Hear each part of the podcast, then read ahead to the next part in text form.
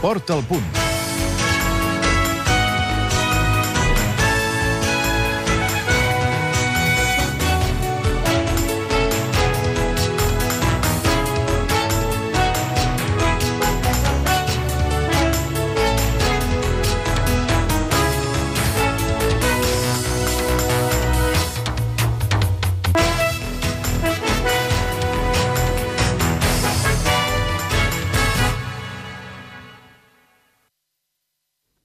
La prova més esperada dels Jocs Olímpics de Londres, els 100 llisos masculins d'atletisme ja té rei.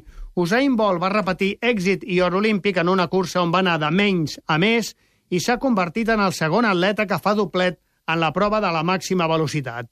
Londres, Òscar Fernández, bona tarda. Hola, Ton, bona tarda. Avui els aficionats a l'esport en tot el món només tenen un nom a la boca, Usain Bolt. Sí, és el gran protagonista. De fet, ja apuntava maneres, entre cometes, i tothom esperava que fossin els seus jocs després de l'espectacle Phelps a la primera setmana de competició, perquè és quan van a la natació. Ara que comença la segona, arriba a territori Bolt. Eh, de fet, les marques comercials aquí a Londres ja havien apostat fort per ell. A molts autocars i a moltes eh, doncs, parades de metro, el gran protagonista és Usain Bolt, anunciant tota mena de productes. Tots sabien que aquests podien ser els seus jocs, tot i que arribava una mica justet de preparació. Al final, ahir va demostrar que arriba en plena forma i que és l'home més ràpid del món. Avui els diaris, però, aquí al Regne Unit comparteix protagonisme. És veritat que la majoria li donen la portada. Per exemple, doncs el Times, que diu que cop brillant amb una portada llençol, que de fet el Times està fent durant tots els Jocs Olímpics, dedicada al protagonista del dia, avui per vol. També el The Guardian, que diu 9,63 segons sense l'E.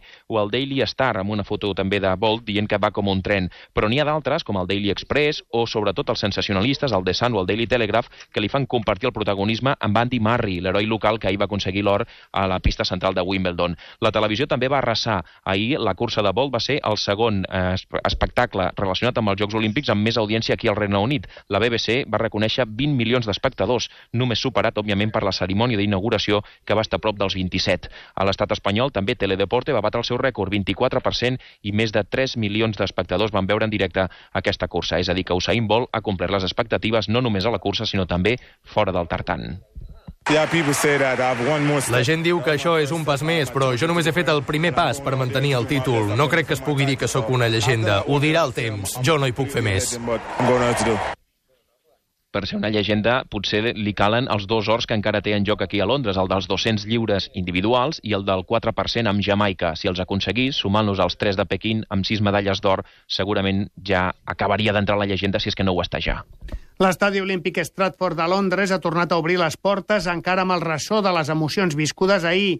I és que aquest matí competia la tarragonina Natàlia Rodríguez i no li ha anat gens bé, perquè arribava molt justeta de preparació. El seu entrenador i el seu entorn asseguraven que arribaven en plena forma, però és veritat que des de l'any passat no ha pogut competir per culpa de diversos problemes físics. Primer va tenir una trombosi el mes de gener que la va obligar a aturar durant dues setmanes, durant dos mesos, perdó, la seva preparació. Després va voler córrer tant, fer tan ràpidament la preparació, que això li va generar altres problemes musculars. Avui arribava amb incògnita, no sabia com es trobaria en la competició. Havia entrenat bé, però no havia pogut competir. I a l'hora de la veritat, ella mateixa reconeixia molt decebuda a la zona mixta gairebé entre llàgrimes, que no havia donat tot de si i que estava pagant l'any tan complicat. No, no hi ha que, que buscar cap, cap excusa, no? jo crec que, que tots sabem que ha sigut un any complicat, eh, he pogut agafar un nivell de forma bastant bo, m'he trobat força bé les darreres setmanes entrenant, però això no ha sigut suficient. Jo crec que em faltava competir, em faltava també, doncs, a conseqüència d'aquesta falta de competicions, aquesta seguretat que he portat en altres temporades, l'anar sense por i bé, això tot es nota. Natàlia Rodríguez ha reconegut que just abans de prendre la sortida tenia por per primera vegada en la seva carrera perquè no estava segura d'en quin moment es trobava. Diu, a més a més, que ha notat que no és el mateix entrenar que competir i que aquí competeixen les millors i si no estàs al 100% ho pagues. Tot i això, mira amb il·lusió al futur. Tot i que té 33 anys, no pensa en la retirada i, de fet, ja té un pròxim objectiu l'any que ve. Ara mateix estic fatal, però, però bé. Eh, al fons, la veritat és que tinc moltes ganes de seguir, de continuar entrenant-me i bueno, l'any que ve hi ha campionat del, campionat del món que és el, el, dels meus favorits. Aquesta ha estat la decepció de la delegació espanyola avui a l'Estadi Olímpic, tot i que també n'hi ha hagut d'altres. Núria Fernández sí que ha entrat a les semifinals dels 1.500, però, per exemple, Mario Pestano eh, ha quedat fora de la final del llançament de disc. Si en algun lloc han fet festa grossa aquesta matinada ha estat el barri jamaicà de Londres. Oriol Serra, bona tarda. Bona tarda, Josep Anton. És un barri on hi ha majoria de jamaicans. No oblidem que aquesta illa caribenya, 3 milions d'habitants i una extensió que seria com un terç de Catalunya, va ser colònia anglesa fins al 1962 i el seu cap d'estat encara és la reina Elisabet II. Doncs m'hi he trobat eh, l'ambient caribeny que sempre respira en aquest barri del sud de Londres. Avui, però, les banderes jamaicanes hi uneixen més que mai.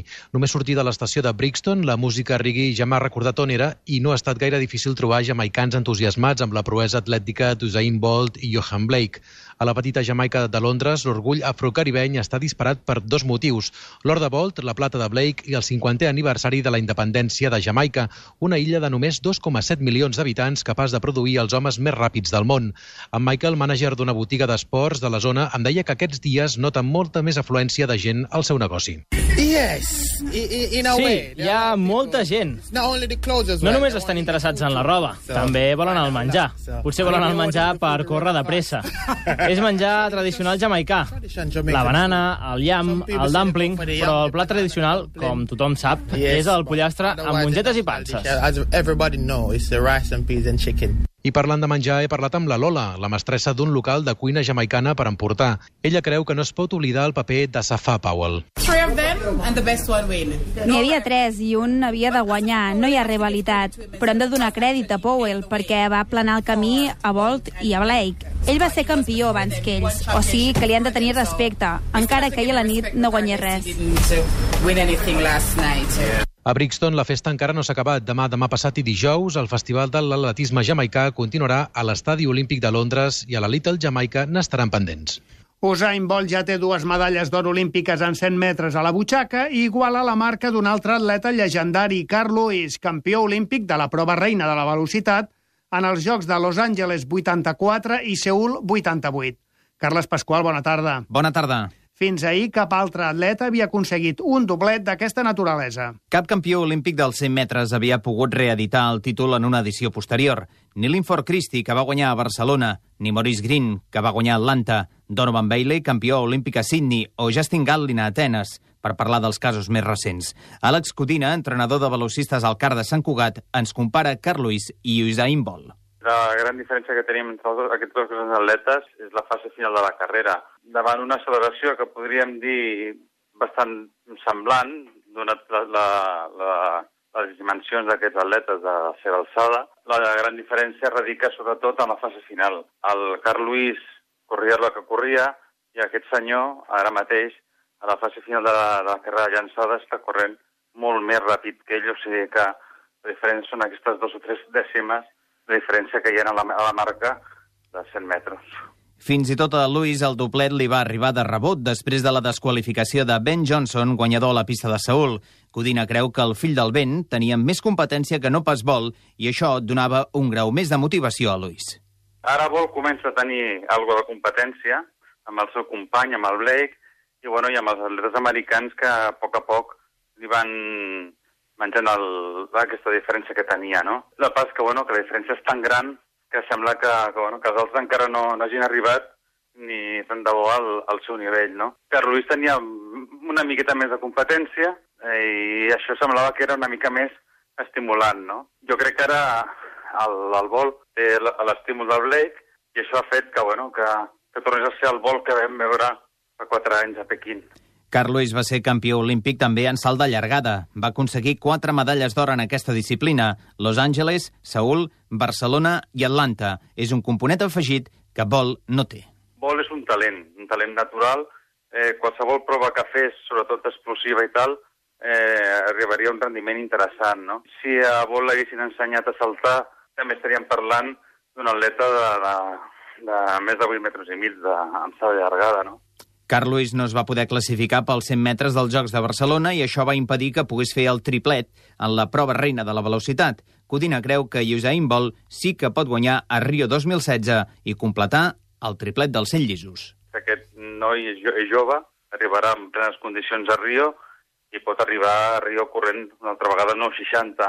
una marca que, bueno, que jo crec que és molt difícil que hi hagi un altre atleta que arribi a fer-ho, potser el seu company, potser algun americà més endavant, de tota manera seria un dels grans favorits a fer el triplet a, a Rio amb els 100 metres.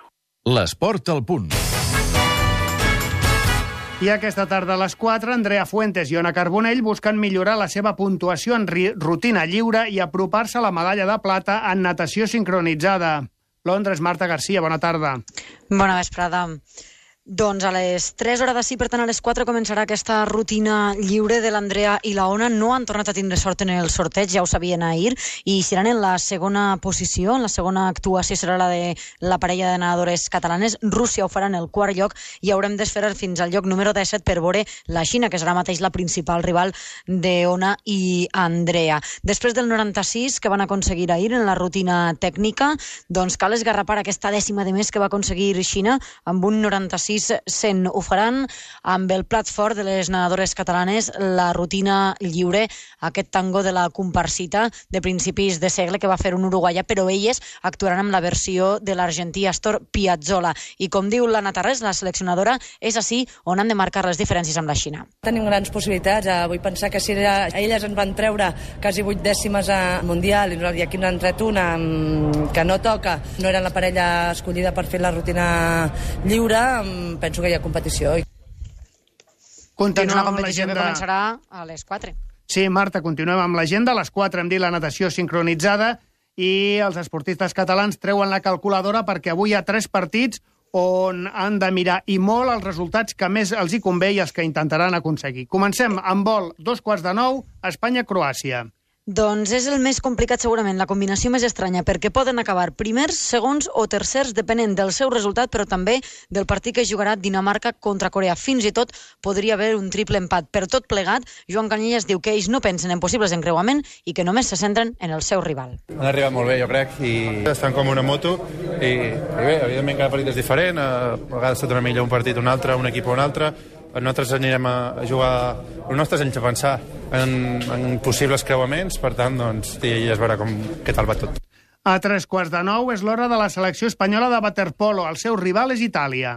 I l'únic que tenen aquí en joc és la segona posició del grup. Ja estan classificats per als quarts de final. L'equip espanyol que entrena l'Egarenc, Rafa Aguilar, té 6 punts. Itàlia en té 5. Croàcia ja és ina... inabastable en el sentit que té, és líder i té 10 punts. Per tant, en joc la segona posició de grup. El que més preocupa als jugadors catalans de la selecció espanyola de waterpolo d'Itàlia és, sobretot, el seu porter. Ens ho confessa Albert Espanyol. El millor, sens dubte, és la defensa, sobretot el porter, no? És, per mi és un dels millors porters del món, si no el millor i quan ell està bé, Itàlia ho nota molt, no? és molt difícil marcar-li.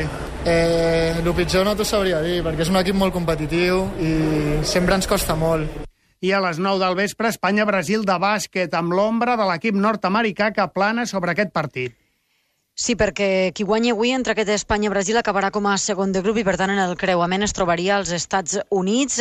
Rússia ha perdut avui, però això no afectava perquè igualment ja estava, tenia garantida la, la primera posició, per tant, en joc la segona posició del grup i tenint en compte que l'últim partit de la selecció espanyola contra Rússia dominava Espanya de 18 punts i va acabar perdent, Pau Gasol és conscient que avui les coses han de millorar molt. També les sensacions són importants i, eh, i has d'agafar ritme i has d'agafar forma durant el campionat i si no l'agafes al final eh, doncs et pot costar car. Està clar que seria, seria important eh, jugar un bon partit contra Brasil eh, i, i, i, i després ja doncs, començar a jugar els quarts, no? però, però sens dubte doncs, eh, hem d'intentar de millorar i sobretot jo crec que a nivell mental. Gràcies Marta, bona tarda. Bona vesprada. I aquesta tarda, dos quarts de set, dins de l'actualitat olímpica també, el fet que l'Ajuntament de Badalona ret homenatge a Mireia Belmonte. Fins ara, la nedadora de Badalona és l'única catalana que ha aconseguit medalles en aquests Jocs. Badalona, Marc Ostrell.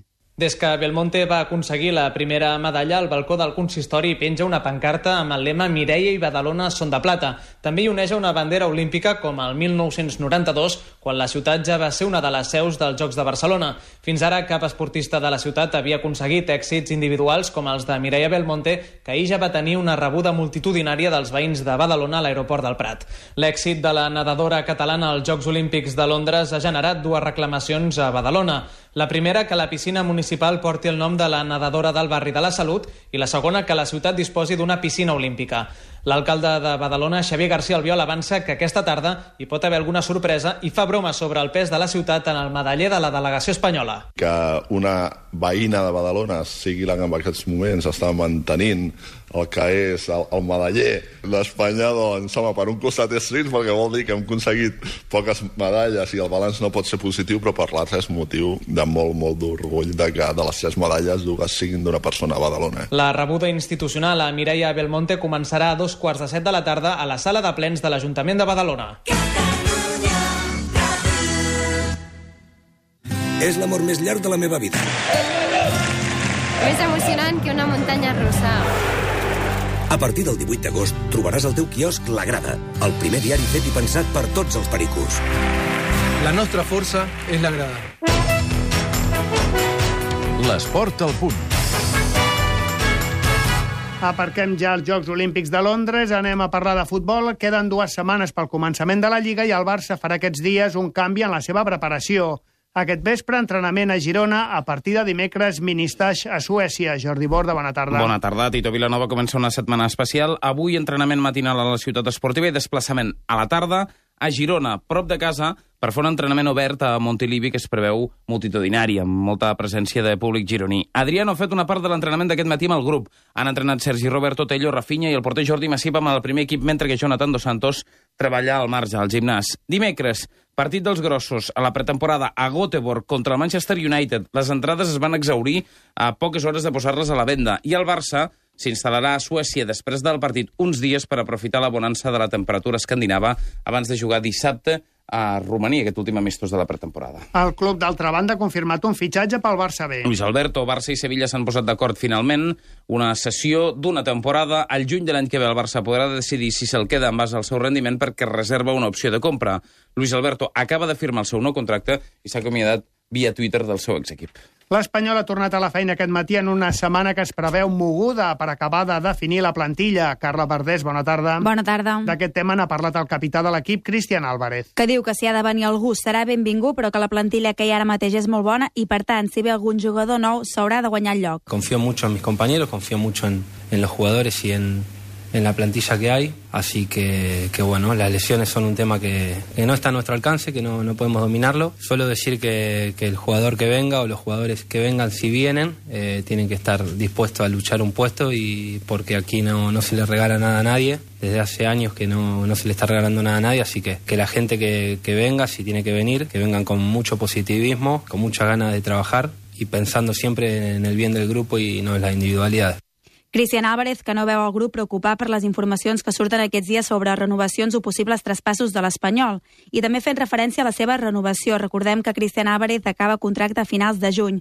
Està tranquil i confiat que arribarà un acord amb el club. La situación hoy por hoy la misma, no, no se ha avanzado nada, pero en ese sentido también estoy estoy muy tranquilo porque confío en que se pueda llegar a un acuerdo, que se pueda llegar a un buen puerto. Desde mi parte las puertas las tengo abiertas a negociar y a hablar y, y ojalá que, que, pueda llegar algo porque como lo dije el primer día que llegué acá, quiero triunfar acá eh, y me gustaría, me gustaría seguir en el club y seguir viendo este crecimiento y poder plasmarlo en, en, en logros que es, que es lo que todos estamos buscando. A la sessió d'aquest matí, Oacaso ja s'ha entrenat amb el grup, mentre que Raúl Rodríguez, encara amb molèsties, continua al marge. Aquesta tarda sabrem l'abast exacte de la lesió de Sergio García. Acabarem dient que el Real Madrid ha guanyat el Santos Laguna mexicà 2 a 1 en partit amistós jugat aquesta matinada a Las Vegas. Xavi Alonso ha marcat primer pels madrilenys, després empat mexicà i Kedira ha fet el gol de la victòria. El Santos Lagunas i ha jugat tota la segona part al català Marc Roses. Acabarem dient també que el Barça d'handbol comença avui el seu estatge en camp al Principat d'Andorra, però moltes absències perquè la majoria dels seus jugadors titulars estan disputant el torneig olímpic escampat en diferents seleccions. Amb handbol acabem. Gràcies per la vostra atenció i bona tarda.